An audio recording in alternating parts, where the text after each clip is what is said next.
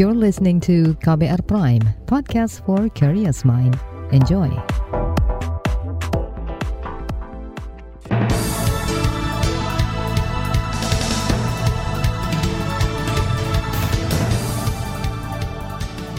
Selamat pagi saudara, senang sekali kami bisa menjumpai Anda kembali melalui program Buletin Pagi edisi Jumat 4 Maret 2022.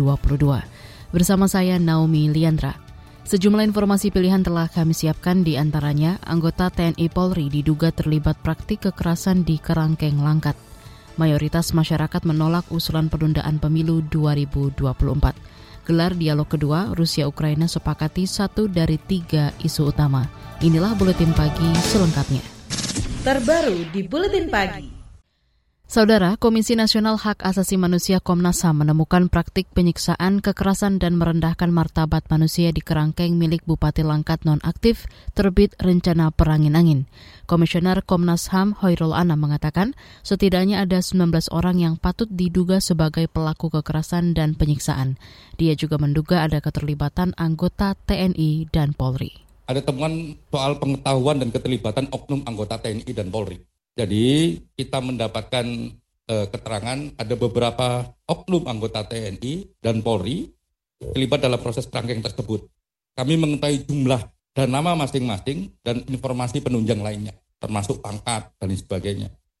Terus terdapat tindakan kekerasan, penyiksaan atau yang merendahkan martabat oleh oknum-oknum tersebut. Komisioner Komnas HAM Hoirul Anam menyebut ada anggota TNI yang diduga terlibat melatih fisik dan menganiaya penghuni kerangkeng. Sementara itu ada pula anggota polisi yang diduga melakukan kekerasan fisik terhadap penghuni. Komnas HAM juga meminta agar TNI dan Polri memeriksa anggota yang terlibat secara terbuka dan akuntabel dan memberi sanksi jika terbukti. Kerangkeng sebelumnya terungkap saat Komisi Pemberantasan Korupsi KPK melakukan operasi tangkap tangan OTT terhadap terbit 19 Januari lalu. Kemudian lembaga Migran Care melaporkan ke Komnas HAM adanya dugaan perbudakan modern maupun dugaan perdagangan orang di kerangkeng tersebut. Dari hasil penyelidikan, Komnas HAM menemukan sedikitnya 26 bentuk penyiksaan dan kekerasan yang merendahkan martabat manusia. Selain itu, ada 18 alat untuk melakukan kekerasan, seperti besi panas, palu, rokok, hingga alat setrum. Sedikitnya enam orang tewas sejak kerangkeng itu ada tahun 2010. Atas temuan itu, Komnas HAM menyebut setidaknya ada 12 pelanggaran HAM, di antaranya melanggar hak untuk hidup, hak untuk bebas dari kerja paksa, hak memperoleh keadilan, hingga hak untuk bebas dari penyiksaan penghukuman atau perlakuan yang kejam, tidak manusiawi, merendahkan derajat dan martabat manusia. Usai diperiksa Komnas HAM awal Februari lalu, Bupati Langkat nonaktif terbit rencana perangin angin membantah ruang jeruji besi di rumahnya merupakan kerangkeng. Dia berdalih tempat itu menjadi lokasi pembinaan. Dia juga mengklaim lokasi itu sudah diketahui halayak umum di daerahnya termasuk oleh aparat. Kepolisian daerah Sumatera Utara Polda Sumut mengklaim tengah mengusut dugaan keterlibatan anggota polisi dalam praktik kekerasan di Kerangkeng. Juri bicara Polda Sumut, Hadi Wahyudi mengatakan perkara ini sudah masuk tahap penyelidikan. Terkait dengan dugaan adanya oknum anggota Polri yang terlibat, tentu secara umumnya kami belum mendapatkan rekomendasi resmi dari Komnas HAM. Namun demikian, kami, Propam, dan penyidik di Treskrim Um mencoba untuk melakukan langkah-langkah pendalaman. Artinya mendalami dan melakukan penyelidikan terkait dengan dugaan keterlibatan anggota Polri tersebut. Juru bicara Polda Sumut Hadi Wahyudi juga mengklaim kepolisian berkomitmen menindaklanjuti dan memproses hukum anggota Polri yang terlibat sesuai aturan yang berlaku. Sementara itu Polda Sumut juga telah menaikkan perkara tewasnya dua penghuni kerangkeng ke penyidikan. Sementara itu Kodam Bukit Barisan yang melingkupi Sumatera Utara mengklaim tengah menunggu hasil penyidikan dari Polda Sumut. Melansir suara.com, juri bicara Kodam Bukit Barisan Donald Erickson mengatakan kasus ini akan dilimpahkan ke institusi TNI jika terbukti ada prajurit yang terlibat. Dia berjanji TNI akan mengusut kasus ini secara terbuka. DPR meminta temuan Komnas HAM terkait dugaan keterlibatan anggota TNI Polri dalam penyiksaan penghuni kerangkeng ditindaklanjuti secepatnya. Anggota Komisi Bidang Hukum DPR Santoso mengatakan Kapolri dan Panglima TNI harus memberi sanksi tegas ke anggotanya yang terbukti terlibat dengan adanya oknum anggota TNI dan Polri yang ikut terlibat di dalam kerangkeng manusia itu, ya menurut saya harus diberi sanksi sekeras-kerasnya. Dan jika ada atasannya yang mengetahui apa yang dilakukan oleh anak buahnya tapi pembiaran dibiarkan ya harus ditindak juga oleh pimpinan TNI dan Polri. Menurut anggota DPR Santoso, bukan hal sulit bagi TNI dan Polri mengusut jajarannya yang diduga terlibat praktik kekerasan di Kerangkeng. Kata dia, pimpinan kedua institusi, institusi itu memiliki perangkat untuk menginvestigasi. Dia berharap keterlibatan aparat dalam kasus pelanggaran HAM ini menjadi bahan evaluasi bagi Polri maupun TNI. Kalangan masyarakat sipil mendesak pengusutan dugaan keterlibatan anggota TNI dan Polri dalam praktik kekerasan di Kerangkeng dilakukan secara transparan. Wakil Direktur Lembaga Bantuan Hukum LBH Medan, Irfan Saputra, mendorong agar aparat yang terlibat ditindak tegas hingga ke aktor utamanya. Mengungkap siapa sebenarnya dalam utama pelaku tindak pidana tersebut. Indonesia sendiri telah menentang penyiksaan, si penentangan penyiksaan yang telah diratifikasi oleh Undang-Undang Nomor 5 Tahun 98. Oleh karena itu, ketika ada dugaan keterlibatan TNI Polri, maka sudah barang tentu harus dihukum secara berat sesuai dengan memang aturan hukum yang berlaku. Apakah nanti hukumannya itu pakai undang-undang ratifikasi anti penyiksaan atau bagaimana? KUHP kan misalnya gitu. Wakil Direktur LBH Medan Irfan Saputra menambahkan kelompok masyarakat sipil akan terus memantau tindak lanjut penyidikan oleh kepolisian. Apalagi kasus ini juga mendapat sorotan internasional. Sementara itu LSM Kontras mendorong agar aparat TNI Polri yang mengetahui dan membiarkan kasus kekerasan di Kerangkeng diberi sanksi tegas. Aktivis Kontras Andi Muhammad Rezaldi meminta agar aparat yang terlibat diadili dengan mekanisme peradilan umum. Saudara, lembaga survei mengungkap mayoritas masyarakat menolak usul penundaan pemilu 2024. Informasi selengkapnya usai jeda tetaplah di Buletin Pagi KBR. You're listening to KBR Pride, podcast for curious mind. Enjoy!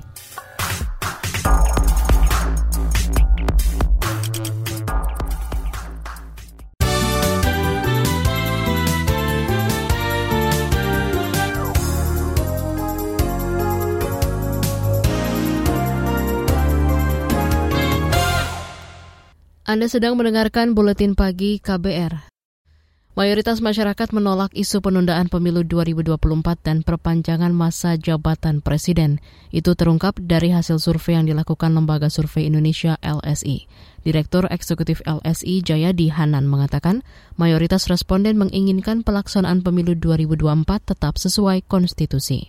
Wacana penundaan pemilu sudah diketahui oleh hampir seluruh warga, mayoritas uh, menolak urus, urus, uh, usulan ini baik karena alasan ekonomi, pandemi maupun alasan uh, IKN.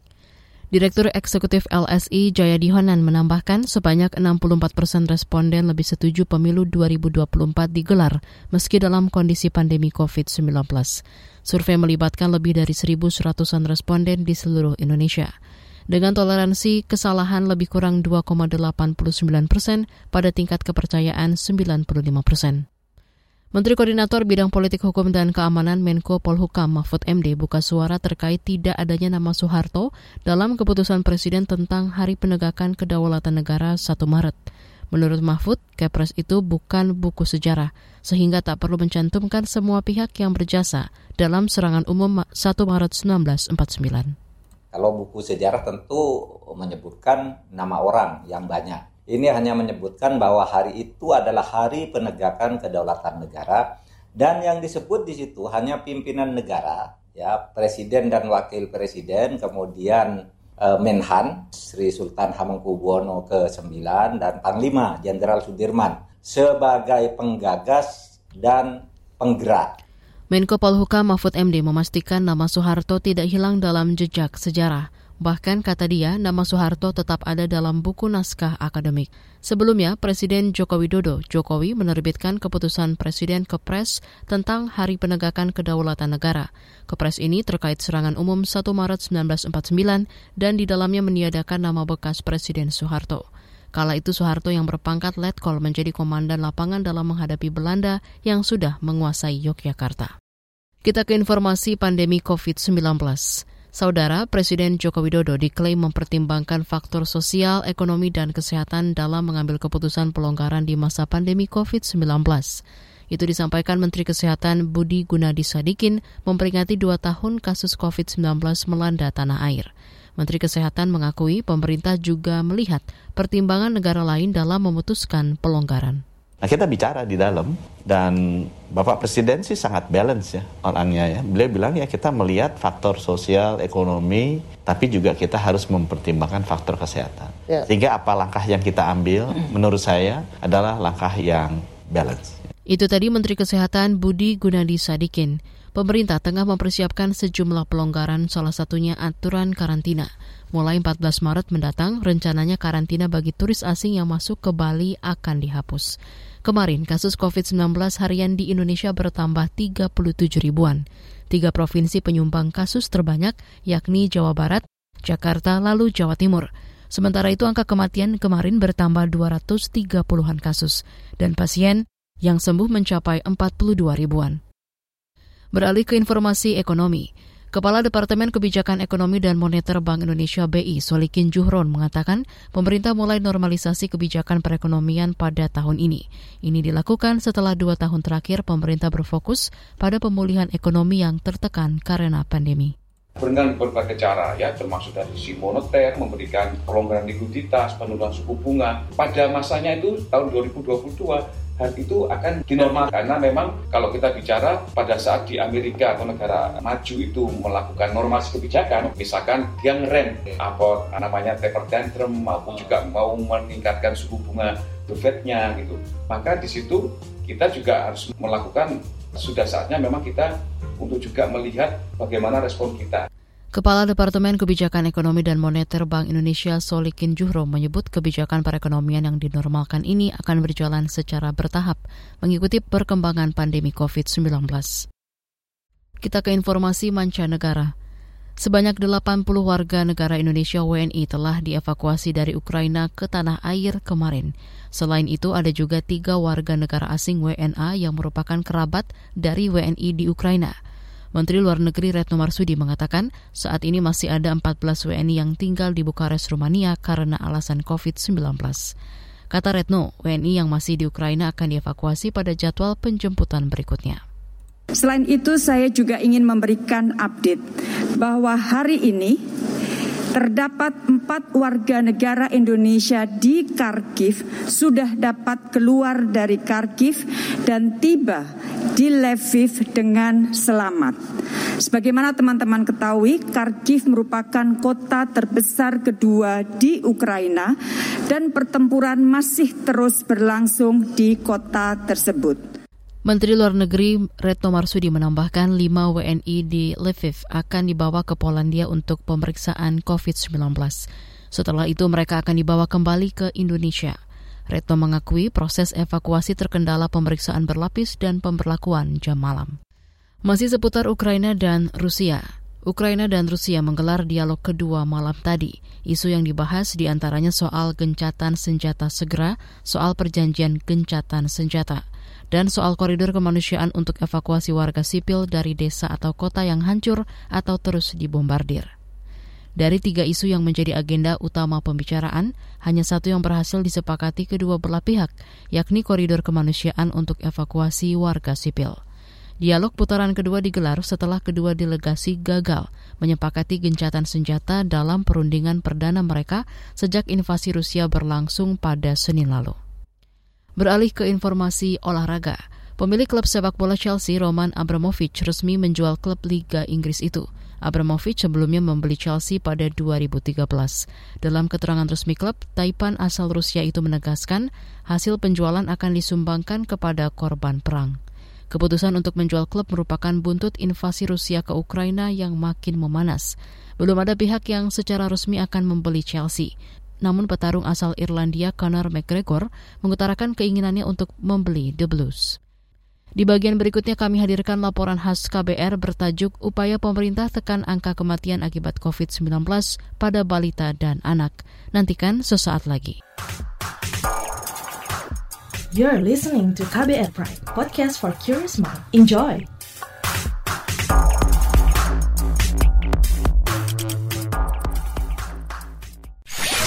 Commercial break. Commercial break. Anda sering gelisah, tidak bisa tidur nyenyak, selalu merasa ada yang merasuki pikiran Anda. Ini bukan iklan horor atau cerita seram, tapi kalau Anda mengalami hal seperti itu, Anda pasti ketinggalan berita terupdate yang lagi ramai diperbincangkan. Gak mau kan dibilang ketinggalan berita?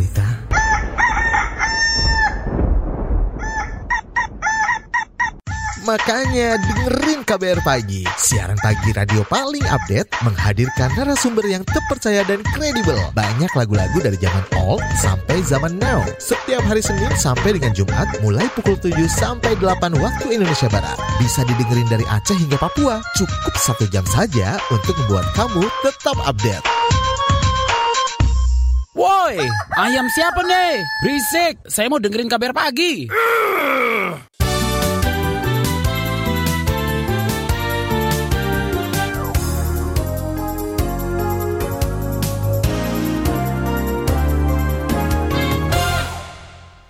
Anda masih bersama kami di Buletin Pagi KBR. Sejak awal tahun ini, ada puluhan bayi usia di bawah lima tahun meninggal akibat COVID-19. Belum lagi pada Juni tahun lalu, tingkat kematian anak akibat virus corona di Indonesia mencatat rekor tertinggi di dunia. Apa saja upaya pemerintah menekan angka kematian pada balita dan anak? Berikut laporan khas KBR yang disusun Mutia Kusuma, dibacakan Fitri Anggreni. Kementerian Kesehatan mencatat dalam dua bulan terakhir ada lebih dari 80 bayi usia di bawah lima tahun meninggal akibat COVID-19.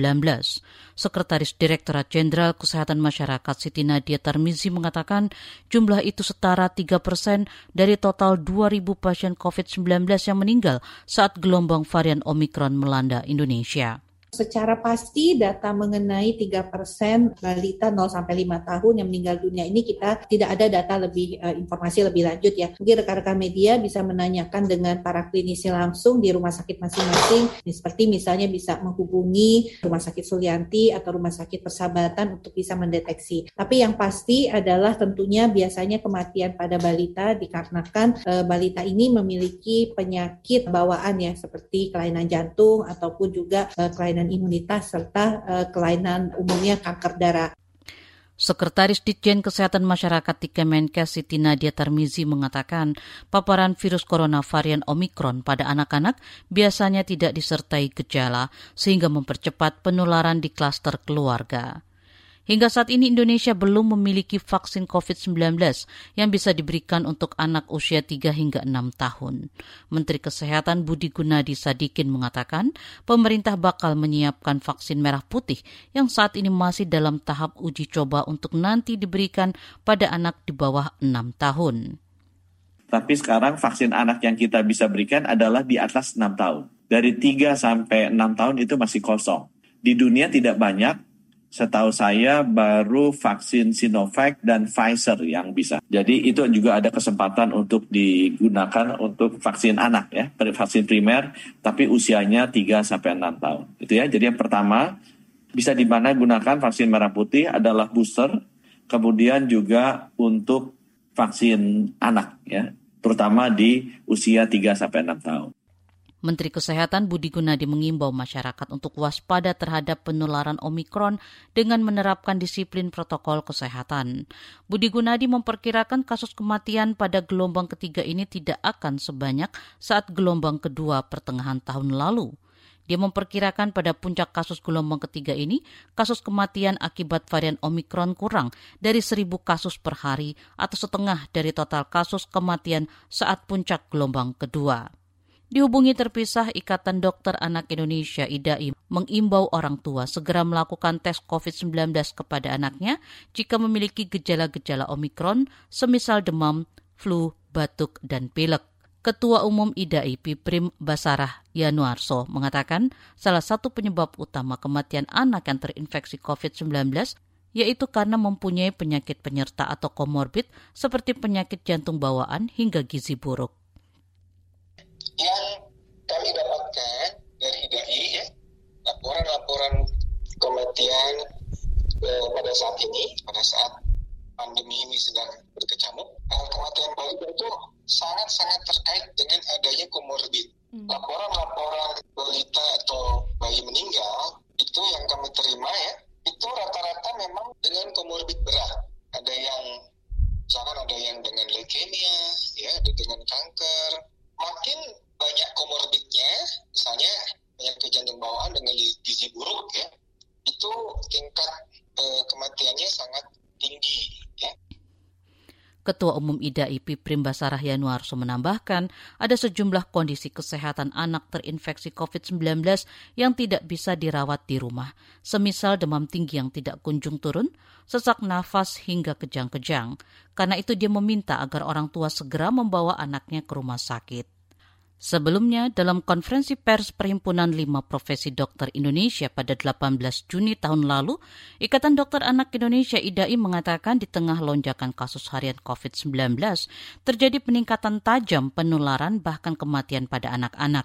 Saat itu, data nasional menunjukkan konfirmasi COVID-19 pada anak berusia 0 sampai 18 tahun mencapai 12,5 persen. Artinya, satu dari delapan kasus konfirmasi COVID-19 adalah anak-anak. Data IDAI juga menunjukkan tingkat kematian mencapai 3 sampai 5 persen. Dari seluruh data anak yang meninggal itu, 50 persen adalah balita. Laporan ini disusun Mutia Kusuma. Saya Fitri Anggreni. Informasi dari berbagai daerah akan hadir usai jeda. Tetaplah bersama Buletin Pagi KBR. You're listening to KBR Pride, podcast for curious mind. Enjoy!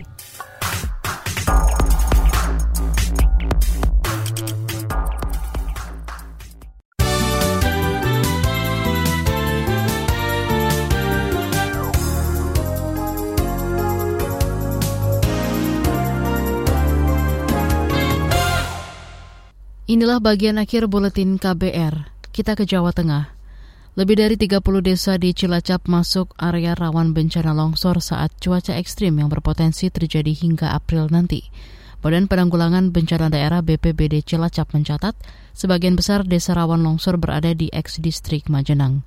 Sebab menurut Kepala Unit Pelaksana UPT BPBD Majenang, Edi Sabto Prihono, daerahnya berkontur miring lantaran berada di wilayah pegunungan tengah Jawa antisipasi atau kesiapsiagaan kita di jajaran BPBD dan pemerintah Kabupaten Cilacap sudah lokasi atau bermukim di daerah-daerah bencana, baik itu mungkin banjir dan yang lain sebagainya. Sosialisasi kita sering lakukan, kita laksanakan, terus di juga apa penguatan-penguatan jaringan-jaringan yang memang rentan atau rawan untuk terjadinya bencana alam, seperti mungkin tanggul-tanggul yang kritis kita perbaiki. Kepala UPT BPBD Majenang Cilacap, Edi Sabto Prihono menambahkan sejumlah desa di Kecamatan Wanarja juga menjadi langganan banjir, sebab berada di lembah dan menjadi tampungan air dari pegunungan di sekitarnya. Selain itu ada pula kawasan rawan banjir karena sistem drainasenya yang buruk. Ke Sulawesi Tengah, Komisi Kepolisian Nasional Kompolnas meminta Polri merekonstruksi penembakan saat unjuk rasa penolakan tambang di Parigi Mutong awal Februari lalu. Dalam insiden itu, Polda Sulawesi Tengah telah menetapkan Bribka Has sebagai tersangka. Mengutip antara, Ketua Harian Kompolnas Beni Mamoto mengatakan rekonstruksi perlu dilakukan untuk mengetahui gambaran di lapangan, sehingga terungkap alasan Bribka H melepaskan tembakan. Dia mengklaim Kompolnas ikut memantau pengusutan kasus yang menewaskan satu orang ini. LSM Lingkungan Hidup Walhi menyoroti sengketa lahan yang berujung ricuh di Konawe, Kepulauan Sulawesi Tenggara kemarin. Warga setempat terlibat sengketa lahan dengan salah satu perusahaan tambang PT Gema Kreasi Perdana. Manajer pengkampanye pesisir dan laut Walhi Parit Ridwanudin mengatakan masyarakat setempat menentang aktivitas pertambangan karena khawatir akan merusak ekosistem laut yang menjadi sumber mata pencaharian dan pangan. Dia mendesak pemerintah menyetop aktivitas pertambangan nikel itu. Nah, jadi di dalam alokasi ruangnya juga jelas. Ini bukan uh, wilayah untuk tambang, ya, baik di daratannya maupun di pesisirnya. Karena di pesisirnya itu dibangun terminal khusus, Mbak, untuk mengirimkan nikel yang ditambang itu ke smelter ya. Smelternya ada dua di Sulawesi Tengah Tenggara ya, di satu wilayah uh, smelter hilirisasi tambang nikel dan satu lagi ada di Maluku Utara. Manajer pengkampanye pesisir dan laut Walhi, Parit Ridwanudin menyebut perusahaan sebetulnya telah disurati oleh Kementerian ESDM bahwa aktivitas pertambangan ilegal. Dia berharap ada sanksi tegas kepada perusahaan, sebab menurut Walhi aksi serobot lahan warga yang disertai dengan kekerasan itu terjadi sejak 2019 silam. Sementara itu PT Gema Kreasi Perdana membantah menyerobot tanah milik warga. Informasi tadi menutup jumpa kita di Buletin Pagi hari ini. Pantau juga informasi terbaru melalui kabar baru, situs kbr.id, Twitter kami di akun @beritaKBR, serta podcast di alamat kbrprime.id. Akhirnya, saya Naomi Liandra bersama tim yang bertugas undur diri. Salam.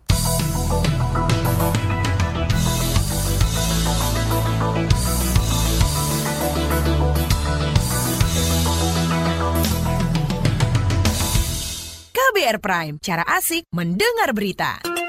KBR Prime, podcast for curious mind.